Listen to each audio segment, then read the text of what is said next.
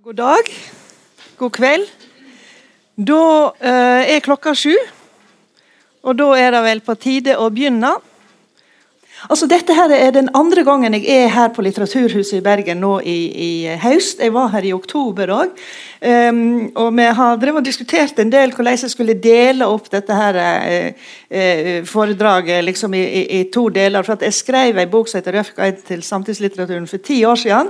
Og nå har jeg skrevet ei som nesten heter det, iallfall har den eh, undertittel 'Røff guide til samtidslitteraturen' eh, nå. Og så gjør jeg for så vidt det samme. Jeg leser ganske bredt, og så bunter jeg bøker sammen og ser hva er det folk er opptatt av nå.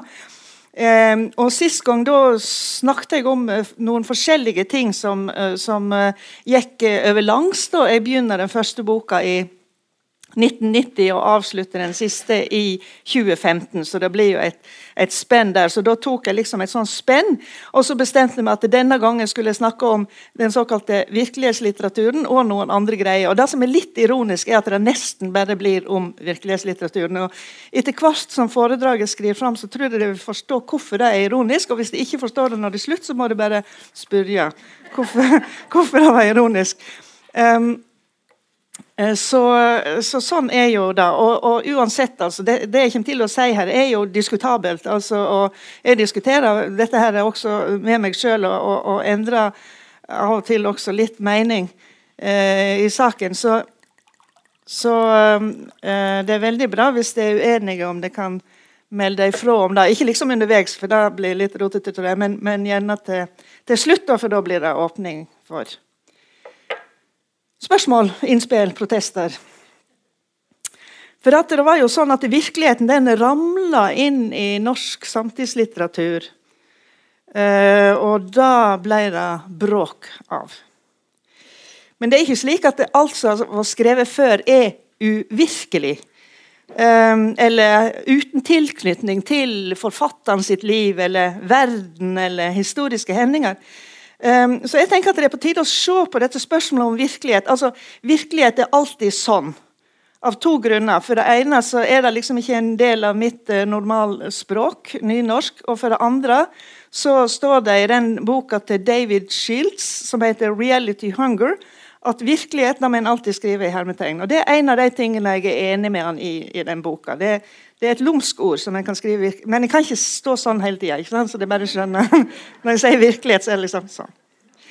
Um, ja, jeg tenker det er på tide å, å, å se dette spørsmålet om virkelighet i fiksjonen i et litt større perspektiv.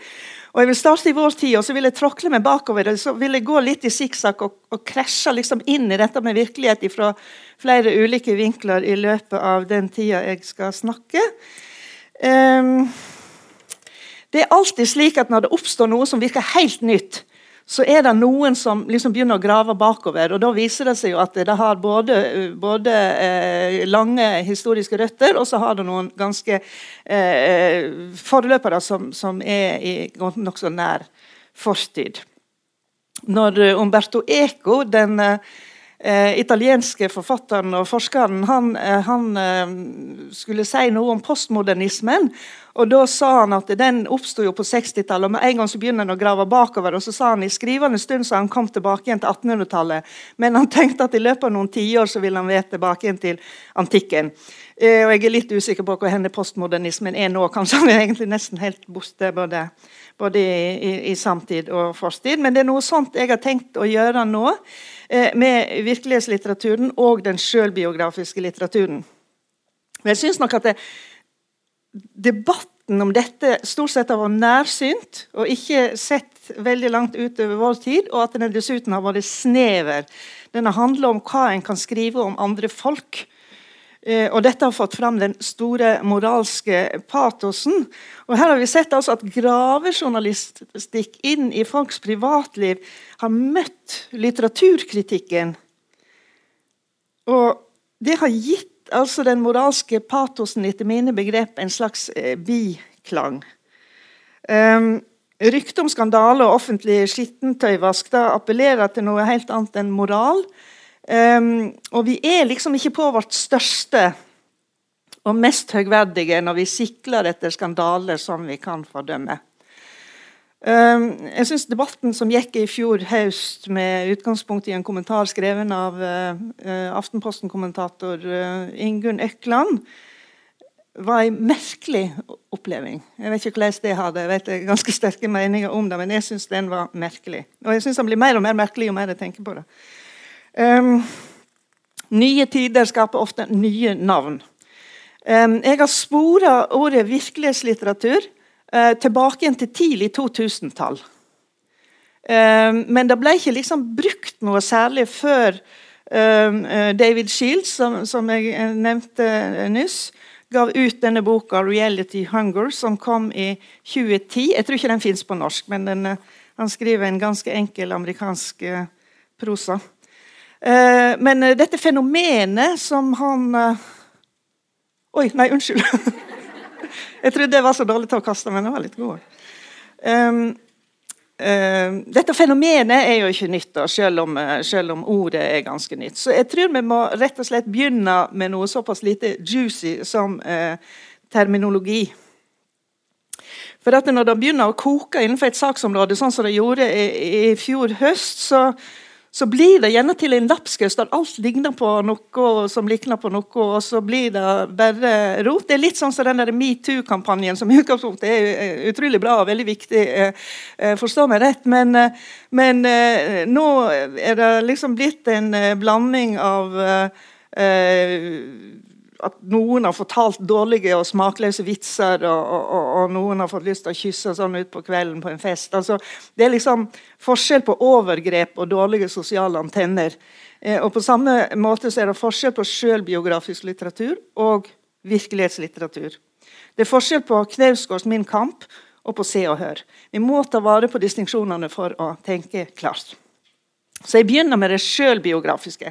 Hva er en sjølbiografisk roman eller novelle eller tekst av hva slags helst slag? Jo, det er tekster der forfatteren bruker eget navn. Enkelt og greit. Thomas Espedal er et veldig godt uh, eksempel uh, på det. Thomas Espedal skriver om Thomas Espedal og om uh, venner og familie og ting han opplever og ting han tenker. Men han skriver romaner. Og Det betyr at han redigerer, og komprimerer, og eliminerer, og elaborerer og aksentuerer. Dette synes jeg var litt morsomt. Altså, du kan bruke veldig mange sånne ord eh, på, på det, som, det, som, skjer. Men poenget er at det er ikke levd liv som står mellom de permene. Det er uhyre redigert. Så eh, Espedal eh, gir en versjon som han velger ut. Og han velger ut det som han vil at vi skal få lov til å vite noe om. Og Dette forstår jo egentlig alle når de tenker seg om det.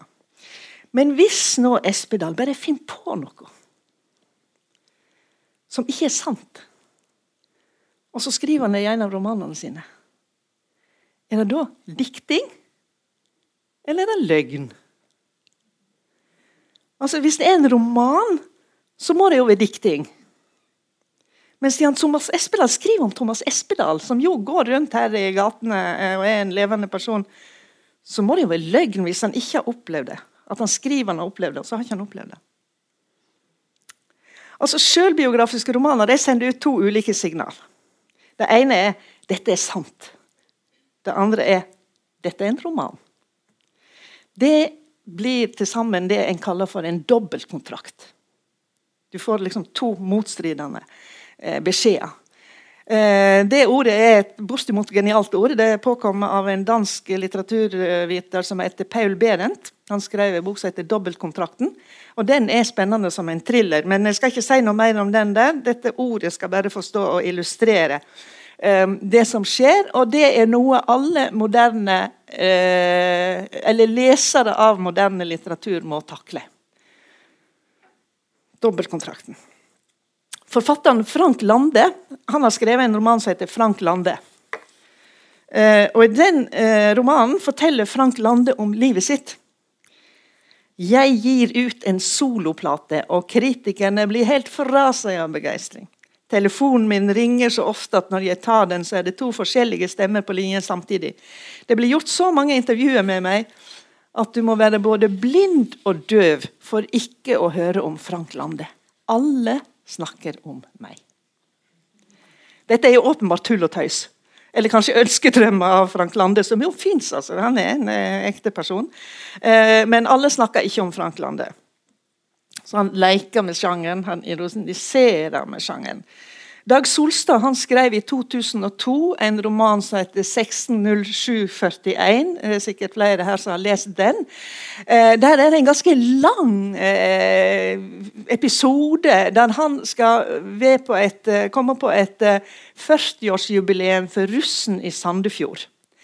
Eh, og Han går og han går, han leter og han finner ikke fram. og Så ender det med at han går tilbake igjen på Til slutt så finner han faktisk plassen, eh, men han klarer ikke å få tilkalt oppmerksomhet, så han kommer seg ikke inn. Eh, og, og, og, går tilbake igjen på hotellrommet og drar eh, videre neste dag. Så står det et innlegg i avisa en stund etter at den boka var kommet ut. Og Da står det Ja, men Dag, du var jo på den festen. Vi snakka jo sammen lenge. Og han som skrev dette, han virka litt sånn indignert for at, for at Dag Solstad hadde uh, ljugd i den romanen. Og kanskje han var også bitte litt uh, eh, skuffa over at han var så nær ved å bli skreven inn i romanen til Dag Solstad, men så ble han altså ikke det likevel. Løgn eller dikting. En kan snu det andre veien og spørre om en kan kalle det for sjølbiografisk hvis det viser seg at det er oppdikta. Kanskje Frank Lande ikke er, osv. Sånn. og jeg skulle ønske jeg kunne svare på disse spørsmålene. Nå har jeg egentlig stilt ganske mange spørsmål, og det er kanskje litt sånn dårlig stil. Men, eh, men det, er, eh, det, er, egentlig eh, helt umulig å, å komme med sånne klare eh, kategorier og svare entydig på disse spørsmålene. Så jeg tror det beste en kan gjøre nå, er liksom bare å rydde litt opp i materien og bare vise at det finnes veldig mange forskjellige måter å gjøre dette på. Um, fordi at med en gang en lager noen kategorier, så uh, er det noe som motsier de kategoriene rundt neste svig. Altså Forfattere eier ikke respekt for kategorier. De bare skriver og skriver. Og det må vi leve med, vi som leser disse bøkene. Men altså det som står ganske fast, trass i alt som flyter, er at i en sjølbiografisk roman heter hovedpersonen det samme som forfatteren, men det er altså likevel ingen garanti for at det som står der, er sant. I tyinga det var akkurat slik eh, det var, og denne versjonen vil stå seg for en ekstern faktasjekk. Altså, det er ikke sånn. Det funker ikke. Tilbake til Espedal. Altså, Jeg snakker ikke om Espedal for å flørte med bergensere, men Espedal er et uh, veldig godt eksempel på flere av de tingene som, som foregår i uh, samtidslitteraturen.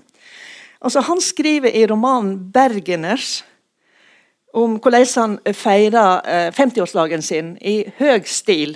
Han pynter seg opp, han har lekker middag, han har viner, han har sigar, og han er helt alene. Han er helt alene. I eh, romanen som kom etter det, som heter 'Mitt privatliv', og som egentlig ligner veldig på et sånt bildealbum der det er bilde, og så står det noen linjer under hvert bilde. Eh, der eh, er det et bilde fra denne 50-årsdagen hans, 50-årsbordet. Eh, og, og, teksten eh, forteller at denne kvelden, altså på 50-årsdagen, skrev han en av sine beste tekster. Denne teksten heter til overmål 'Gjesten'. Tenk deg, på en fest uten gjester så skriver han teksten 'Gjesten', som er noe av det beste han har skrevet. Kunsten er på en måte større enn livet.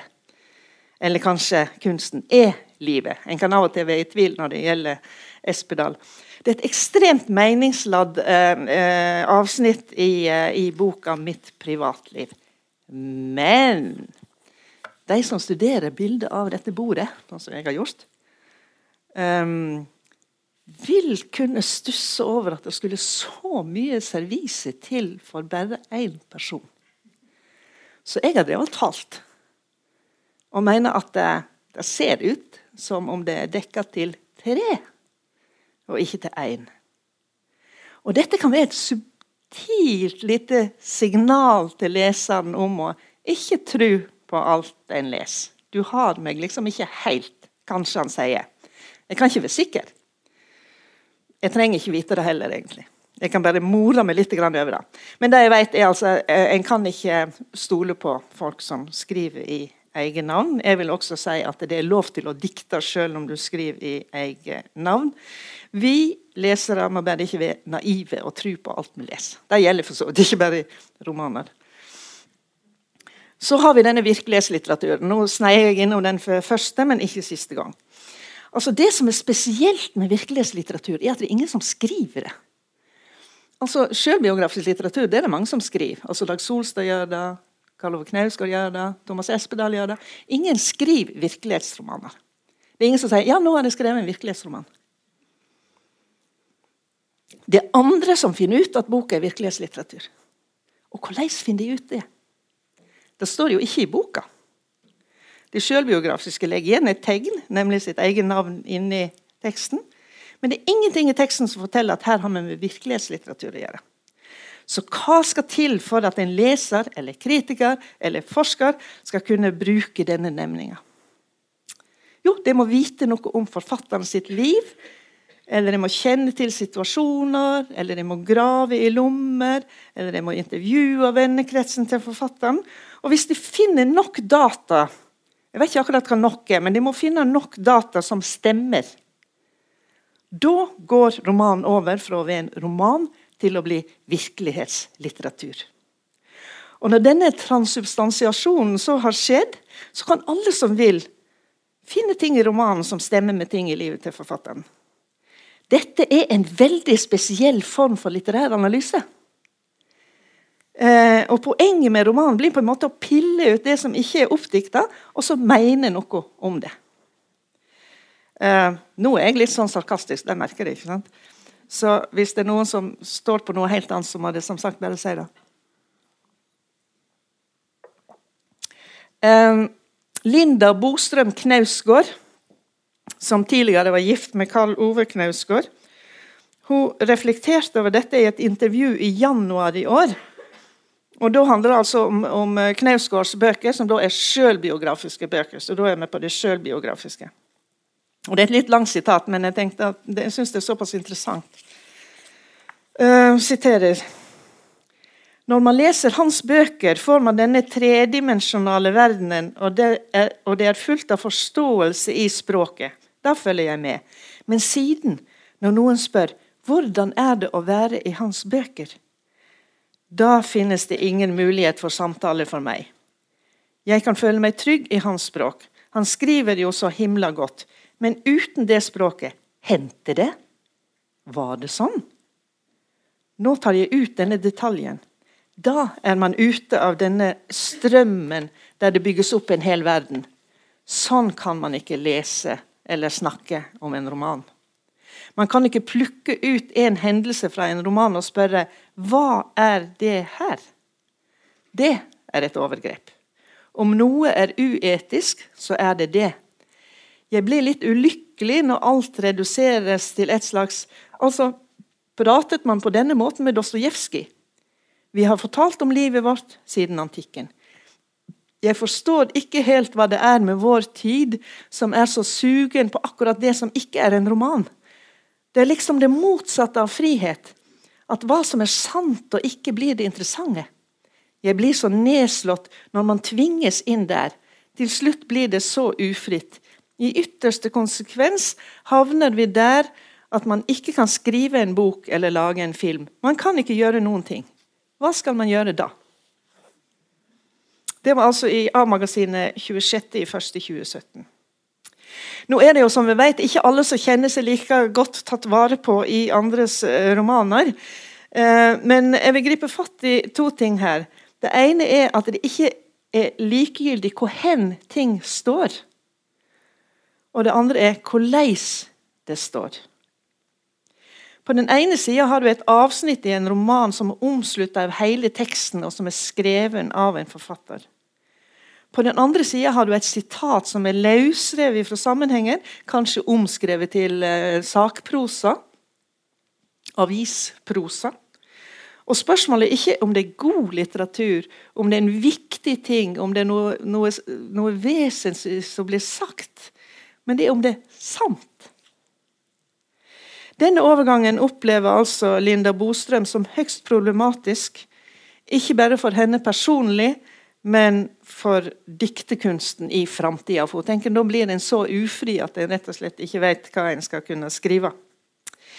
For det, det jeg tror alle forfattere vet, er at det, de bruker det de har erfart, det de har hørt, det de har lest, det de har tenkt osv. Da er det ikke så veldig enkelt å, å, å bestemme denne sanningsprosenten.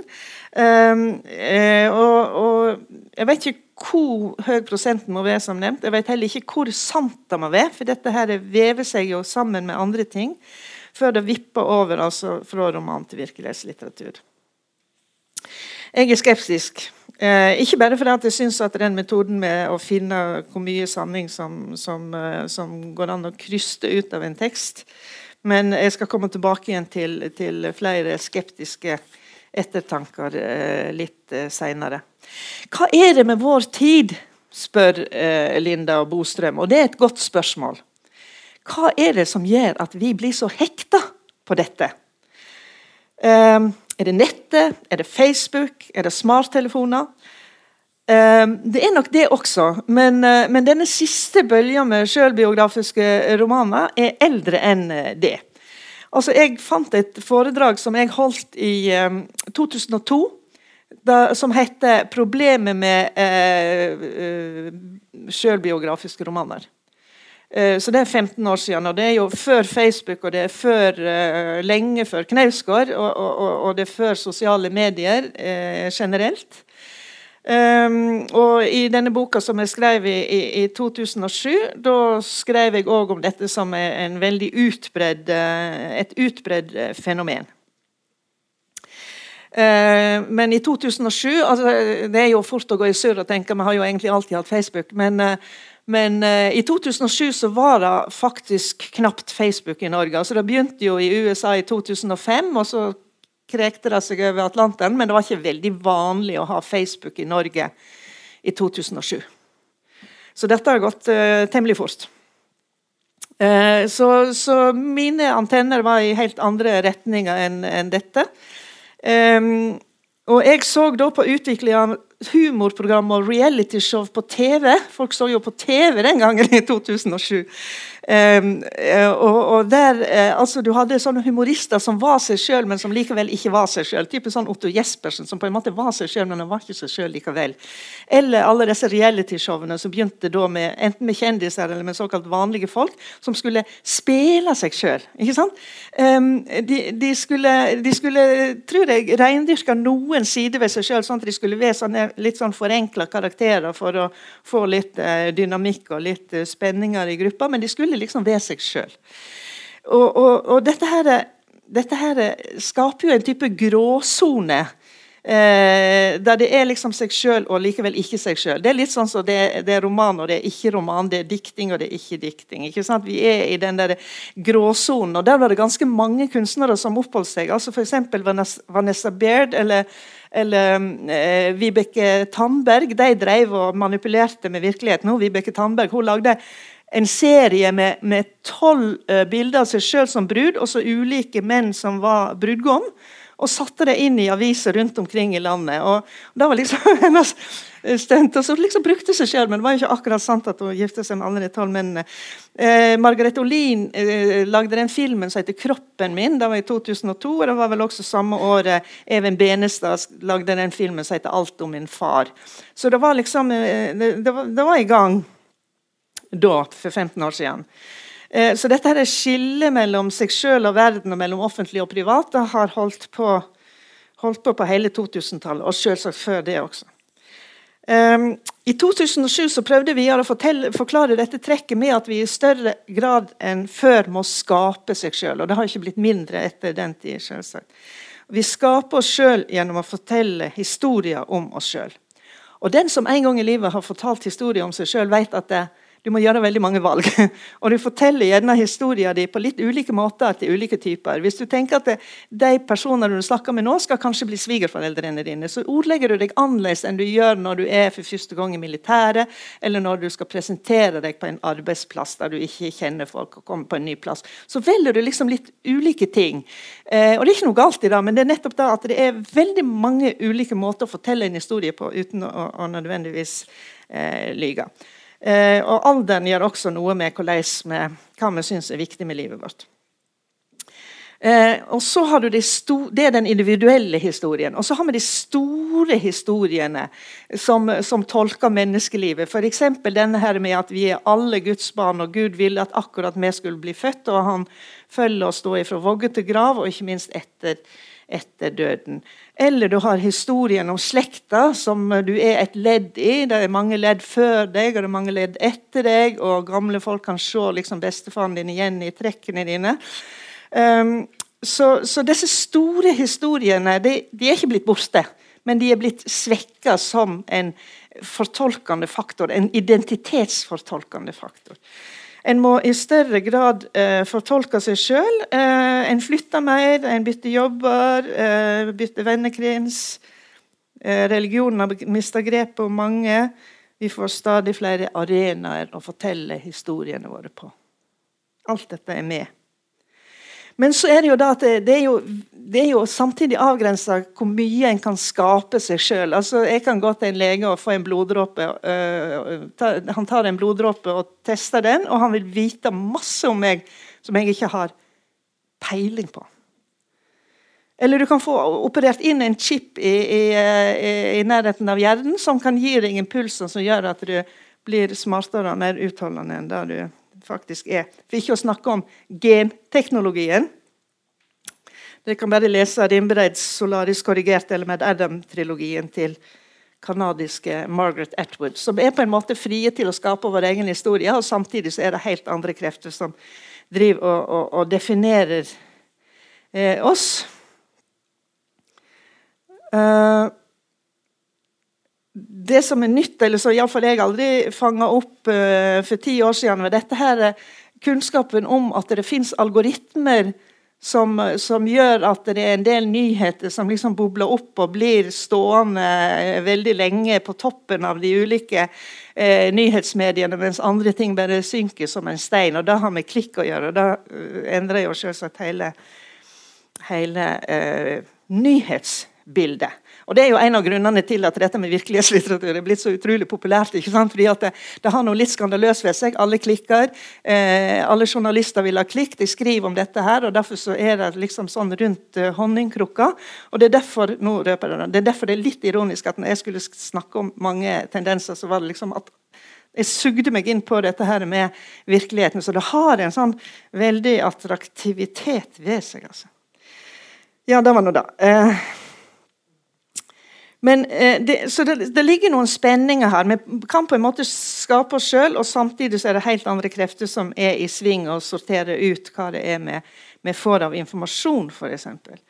Eh, og, og, bak denne her eh, nokså eh, hyppige historiefortellinga og alle meldingene vi sender ut, så er det stadig flere som gir uttrykk for at de kjenner seg ekstremt alene. Altså, de er på sosiale medier hele sitt, sitt våkne liv, eh, og kjenner seg likevel alene. Eh, og mange lir av det som eh, er blitt kalt for FOMO-syndromet, nemlig 'fear of missing out'. Um, og, og da tror jeg nok kanskje jeg er lei av også, uten å vite om det når, når jeg var eh, yngre. Men nå kan en jo følge med på alt det en ikke er med på.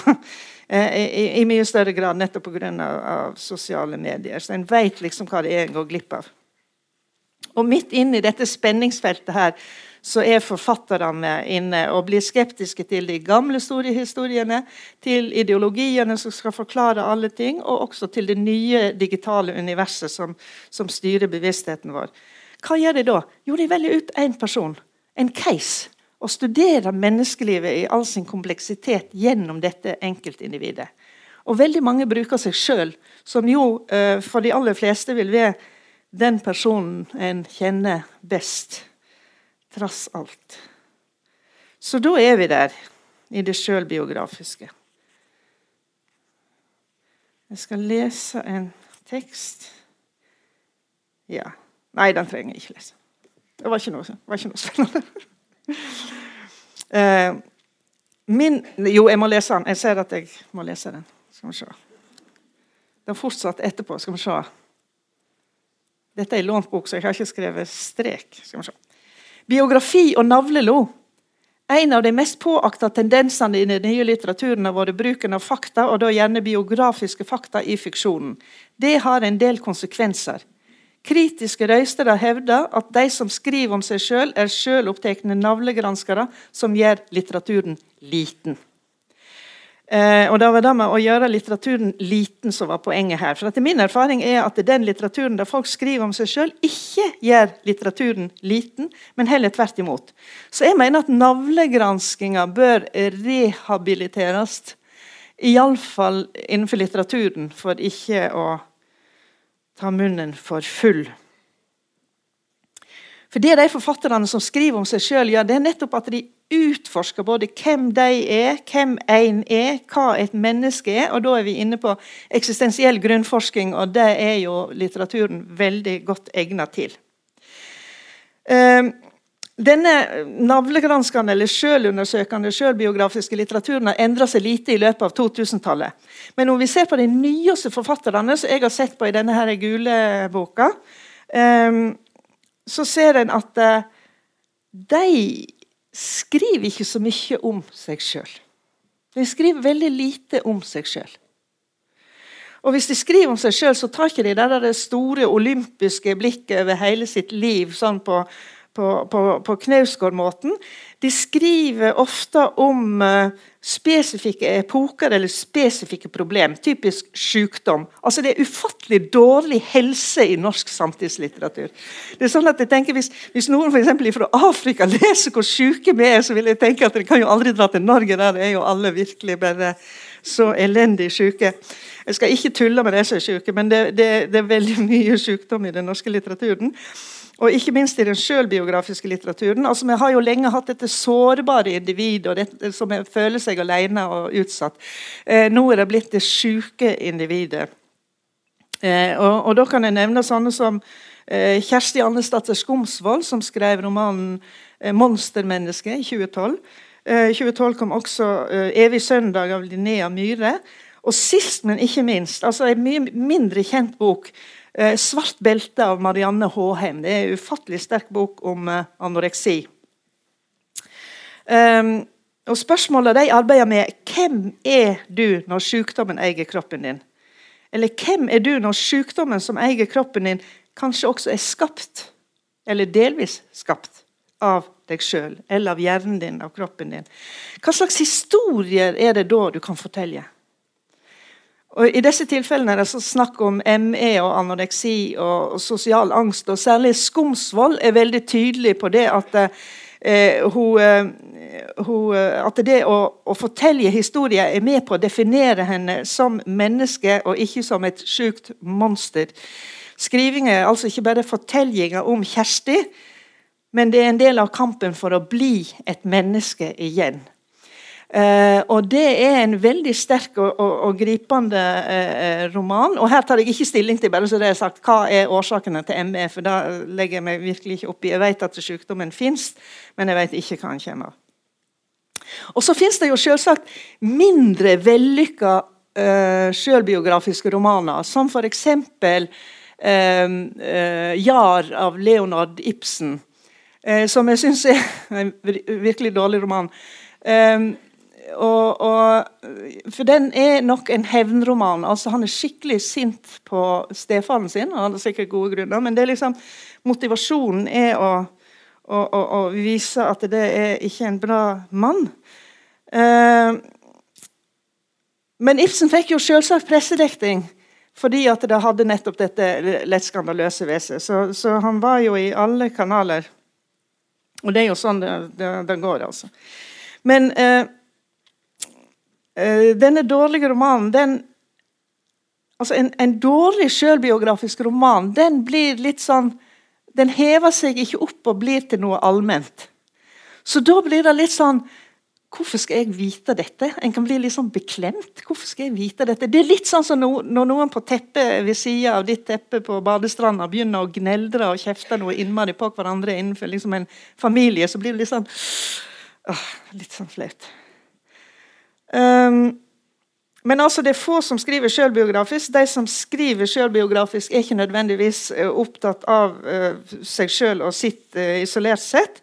Og de som skriver dårlig, de uh, ja, Det er verst for dem, egentlig. Det, men det, det, er ikke så veldig mange. Jeg syns at det, de selvbiografiske romanene er, er eh, blant de, de, beste romanene som er skrevet nå på, på 2000-tallet.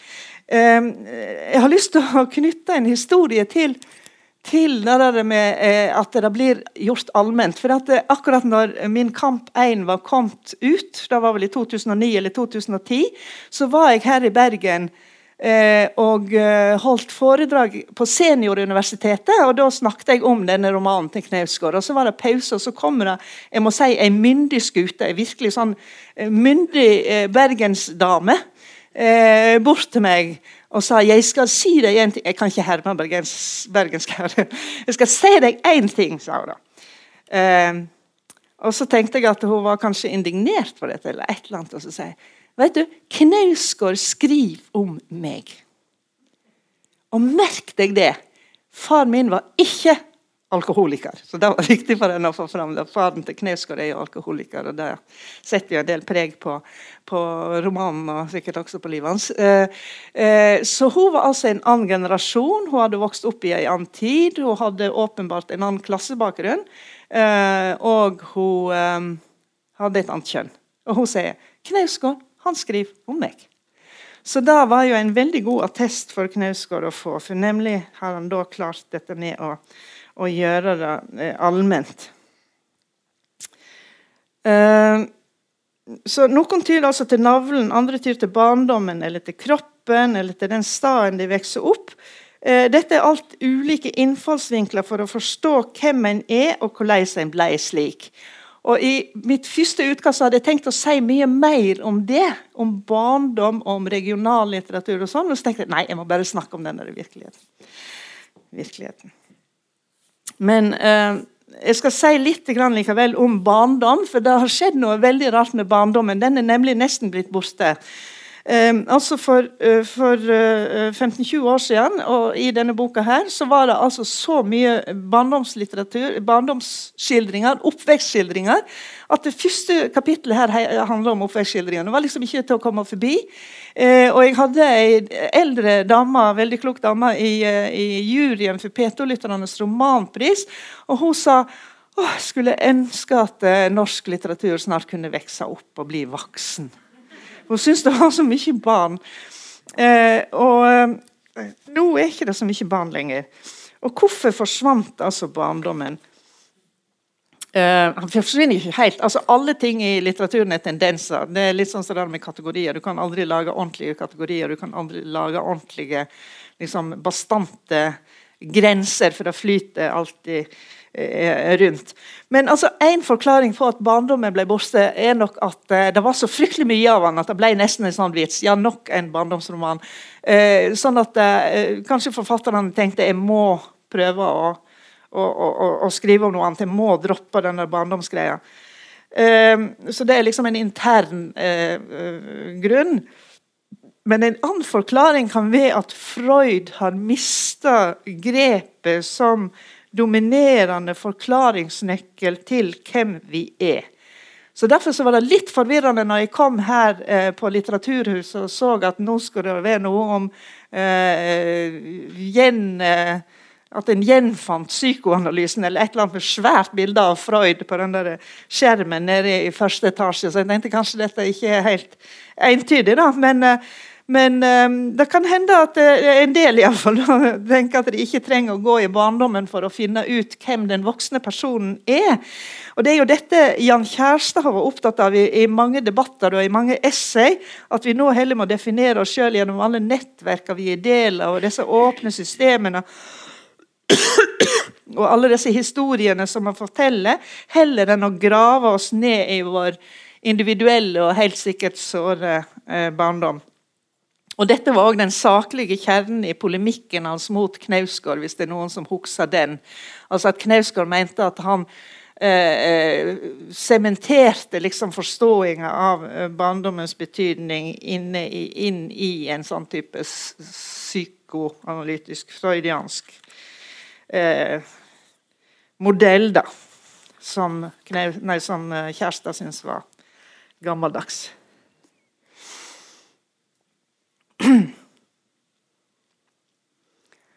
Ja, det, det en også ser når en studerer nyere bøker, at de ofte bytter ut dette det helt klassiske eh, sjølbiografiske spørsmålet Altså hvem er jeg, og hvor hen kommer jeg ifra, og hvordan ble jeg sånn som jeg eh, er blitt?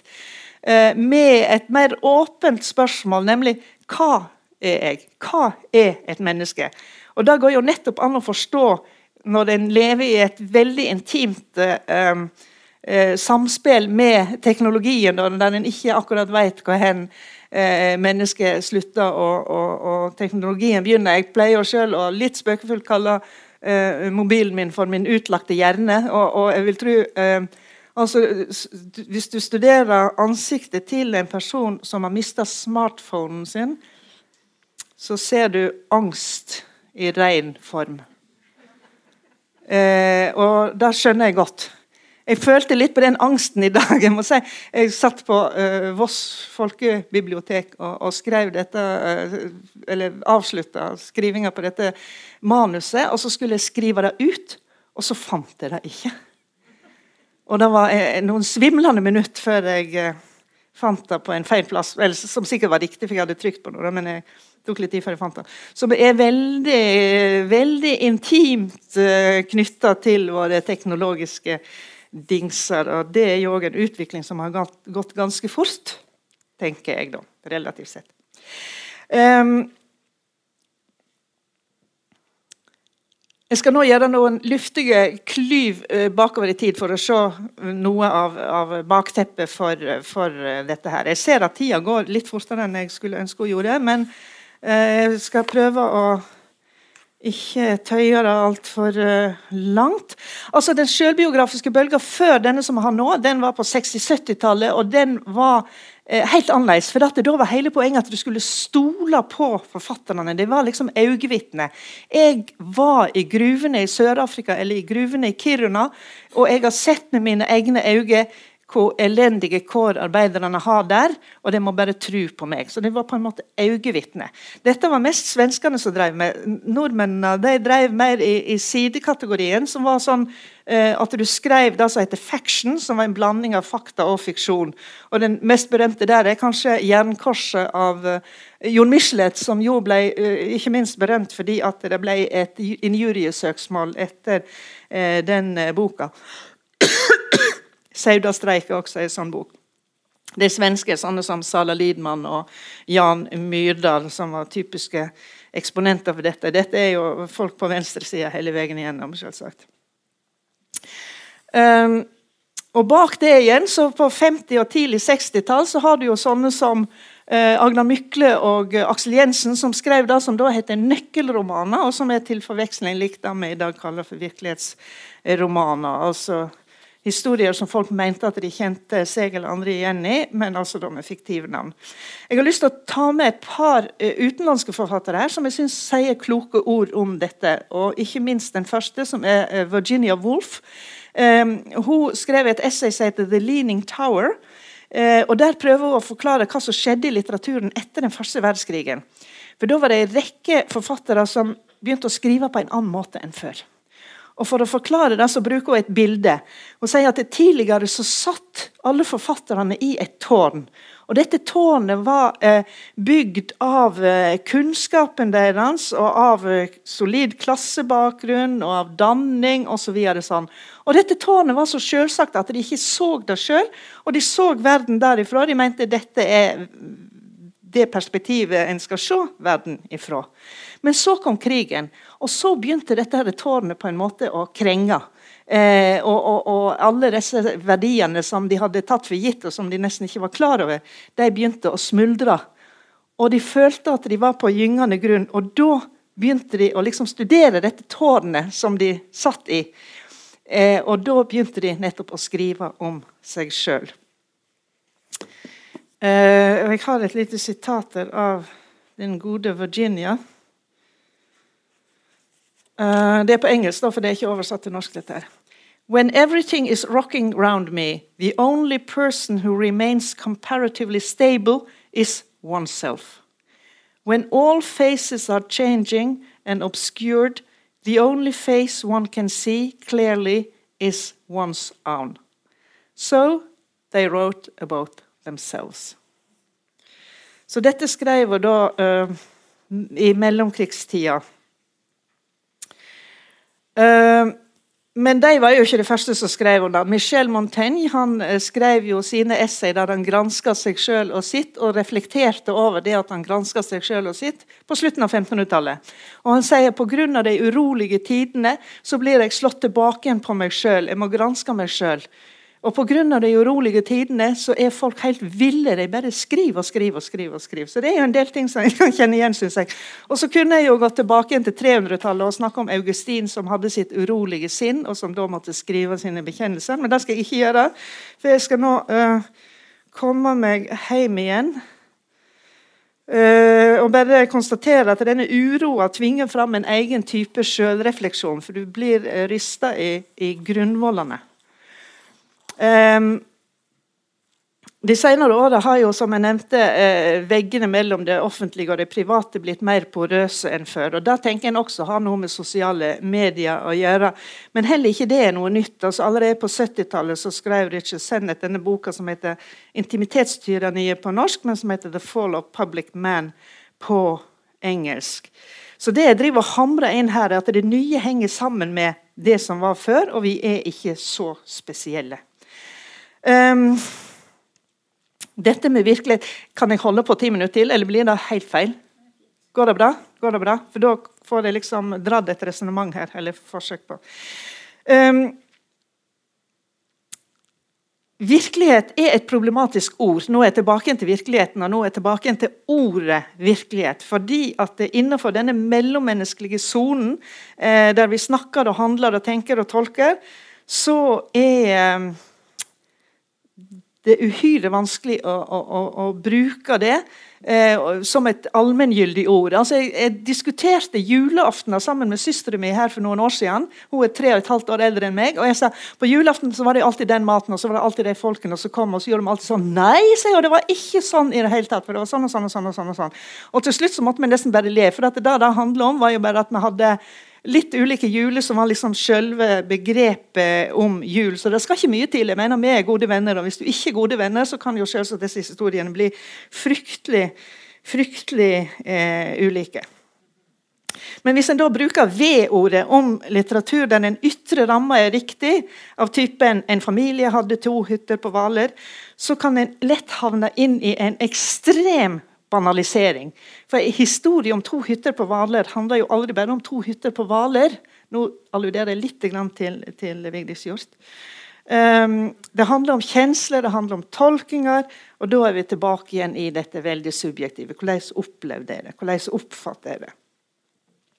Så dersom en leser får vite at en forfatter har lånt trekk fra egne erfaringer, fra eget liv, men det navnet på hovedpersonen ikke er den samme som forfatteren, hva skal en stakkars leser gjøre da? Jeg mener jo at det mest siviliserte er å gjøre ingenting. Om det står at det er en roman, så er det en roman. Og ingen kan vite hvordan de dokumentariske trekkene er brukt eller vridd eller vrengt på. Og det kan havne fullstendig galt ut hvis en begynner å, å, å, å grave for å finne denne her sannheten inni, inni fiksjonen. For hvorfor skal vi vite det? Hvorfor i all verden skal vi vite det? Hvor mye Amalie Skram er det på St. Jørgen? Hvor mye eh, Cora Sandel eller Sara Fabricius er det i Alberte? 20? 40? 60 prosent? Um, for dette vil alltid være likninger med én ukjent, og den ukjente er nemlig diktekunsten. Den kunsten som gir liv, erfaringer og drømmer om til litteratur. Skjønn litteratur. Når David Shields i boka 'Reality Hunger' påstår at 'all the best stories are true', så er det for meg en meningsløs påstand. Alt står og faller med hvordan historien er fortalt. Shields har ellers også vondt for å forstå at det er forskjell på påfunn og dikting, og det mener jeg er en temmelig eh, eh, avgjørende forskjell. Det sa jeg en gang på radio, og da kom det flere litt sånn nervøse meldinger fra fra eh, forfattere som lurte på om jeg kunne forklare hva som var forskjellen på å finne på og å dikte. for de var ikke helt sikre på det. Men det er òg en av de mysteriene som jeg ikke tror en skal prøve å, å, å, forklare. Så er det jo de som kjenner seg igjen, og som diskusjonene mye har dreid seg om. Og Der forstår jeg jo at folk kan føle seg svikta og hengt ut til spott og spe for venner og naboer og nære og fjerne kjenninger. Men det mener jeg er først og fremst en sak mellom forfatter og forlag på den ene sida og de krenka på den andre sida. Jeg tror ikke et øs av moralsk patos der en piller ut ting av teksten, tjener noe godt formål.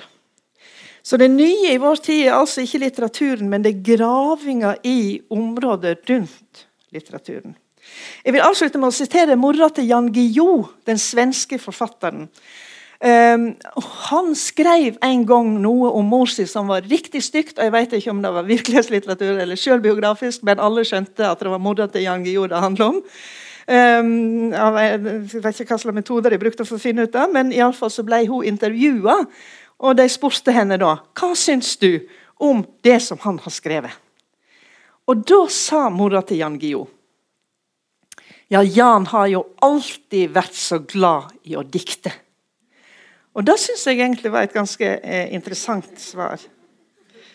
Jeg tror han var temmelig, kanskje temmelig arg på henne for akkurat den replikken.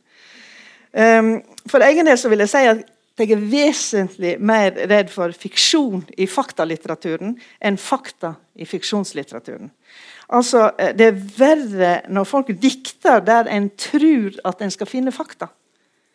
Jeg er også redd for alternative sanninger. Jeg er redd for fake news, og jeg er redd for de som skylder andre for å drive med fake news. Det er der jeg tror den store faren ligger i vår tid. At det dukker opp fakta i romaner, det har skjedd til alle tider.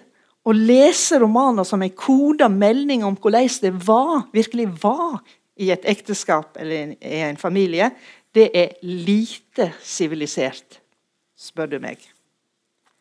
Takk.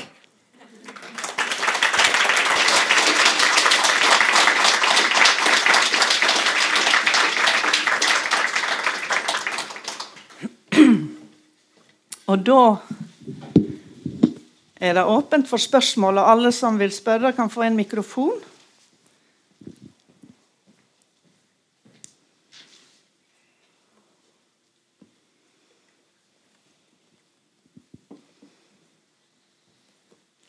Is i magen, bare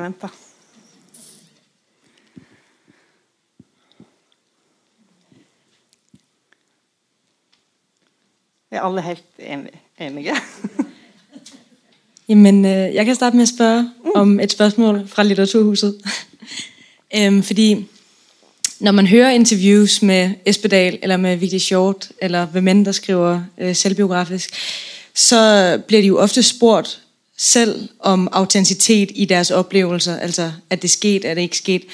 Øh, synes du, når forfatterne forholder sig til den her autenticitet, at de ligesom er med til at påvirke kritikken, altså skubbe kritikken av sporet? Øh. Ja, øh, det er et godt spørsmål. Det kan nok variere. Um, uh, I tilfelle Espedal, som nettopp bruker sitt eget navn, så er spørsmålet relevant. Selv om jeg vil tro han er temmelig lei av det, for han, han har svart på det siden tidlig 90-tall, tror jeg. Uh, han var jo en av de første som begynte med dette.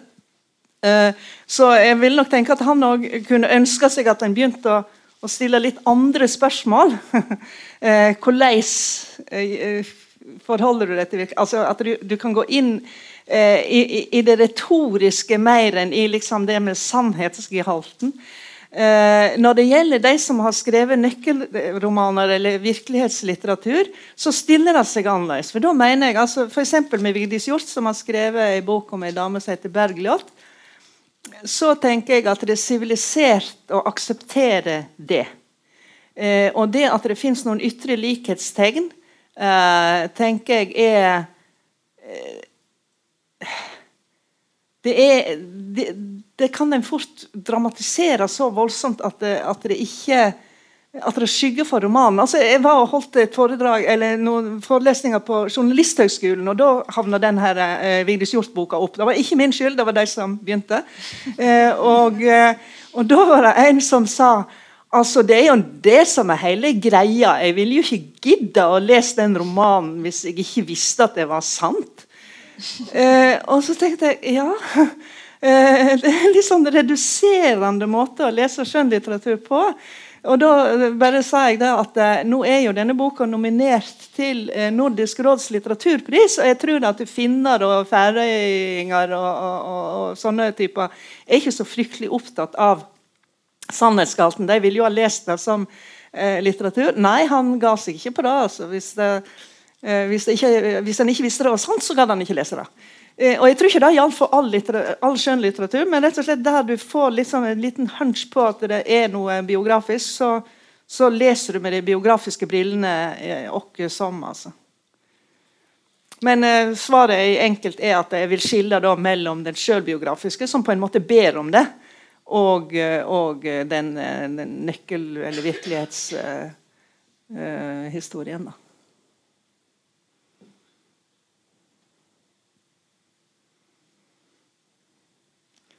Sjelden har jeg sett en stillere forsamling. Var det, var det han der? Nei, det var ikke han der. der var jeg hånd.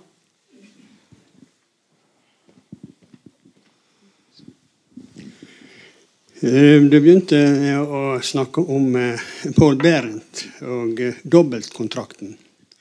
Jeg lurte på om du kunne utdype det litt. Altså, for dette er jo en slags kontrakt mellom forfatter og leser som når, når en leser, altså. Ikke sant? Mm. Um, kan du si litt mer om, om dette ja. dobbeltkontrakten? Ja, dobbeltkontrakten. Altså det er nettopp da at Hvis du leser sakprosa, da har du et krav om, eller en forventning om at uh, du skal kunne stole på det. Det er den kontrakten som er laga. Altså hvis du hvis du lager ei eplekake fra ei kokebok, så skal den fungere. Men hvis du lager pepperkake etter Hakkebakkeskogen, så må du bare ta konsekvensen. For der, der kan vi ikke stole på det. Eh, så, så, det er jo liksom de to i utgangspunktet ganske stabile kontraktene som er der. Så kan jeg diskutere hvor stabile de er, men, men relativt stabile har de nok eh, vært. Eh, og så eh, bruker forfatterne begge to. Eh, og Han bruker et eksempel, og det er den der boka som heter 'De få utvalgte' av, eh, av han eh, Peter Høeg. Som skriver der at han holdt på å gå i hundene på Bordings skole. en sånn privat, veldig kjent privatskole i, i Danmark. Og ble mishandla av en masse lærere før han ble adoptert som 15-åring av Einar Høeg og, og frue Karen, eller et eller annet sånt. Nå dikter jeg det navnet litt, men det som nå er hans foreldre. Eh, og Det ble jo mye hui i Danmark, og her er det jo lærere som egentlig bør straffes og forhåper ikke foreldre. og sånn og sånn, Så debatten liksom tok litt av der. Eh, og så ble han spurt til slutt på en litteraturfestival. sånn, er du adoptert, eller er du ikke adoptert? Det er liksom ikke et flytende spørsmål. Er liksom, enten er du adoptert, eller så er du ikke adoptert. Og så sier jeg nei, nei, nei, han var ikke adoptert, og det er mine kjødelige foreldre. Og da står det to eldre folk og vinker begeistra fra, fra galleriet på det der rommet der de var. Og da følte jo folk seg litt lurt. ikke sant? Um, og så diskuterer han det med hvorfor føler folk seg lurt. Det er jo egentlig en roman. Og, så videre, sånn. og da lagde han den dobbeltkontrakten. Og det er jo en krasj det er jo en krasj der. Og jeg tror, uh, altså I begynnelsen så likte ikke jeg den krasjen, for jeg tenkte her må det være litt klare linjer. da, så Kan jeg stole på dette, kan jeg ikke stole på det. Uh, og Etter hvert så har jeg begynt å, å, å, å, bli glad i den. fordi at du, du lever da inni en, en, en, veldig uklar verden, der du på en måte sjøl må være normen. Eh, når du leser. Og, og, og, det skjer jo stadig oftere også i andre romaner som ikke er selvbiografiske. At du sjøl må være normen. For ofte tidligere så var jo romaner litt sånn at det, eh, selv om eh, hovedpersonen var en skurk, så visste du at eh, jeg og forfatteren vi var liksom litt på parti mot denne skurken som han fortalte om. Selv om det var en sjarmerende skurk, så var det liksom jeg og forfatteren eh, liksom kunne blunke til hverandre. Men eh, ofte så er ikke det sånn lenger. Ofte så fins ikke det der nivået der, der, jeg og forfatteren kan liksom eh, dele verdigrunnlag imot det som står i boka. Og det er litt urovekkende. Men, eh, men der utvikler kunsten seg eh, på, på, nye måter. Og eh, da må en sjøl si at dette her må jo være eh, helt feil. Eh, og, og, og, det at vi selv, altså at det er ikke liksom ferdig møblert med moral og lesemåter, men du må sjøl inn og vurdere kan være utfordrende, men også veldig, veldig givende. Jeg vet ikke om det var svar på det du spurte om. Ja. Men den boka er veldig spennende. altså Paul Berents eh, 'Dobbeltkontrakten'. Den er, den er spennende litteratur. Sakprosa.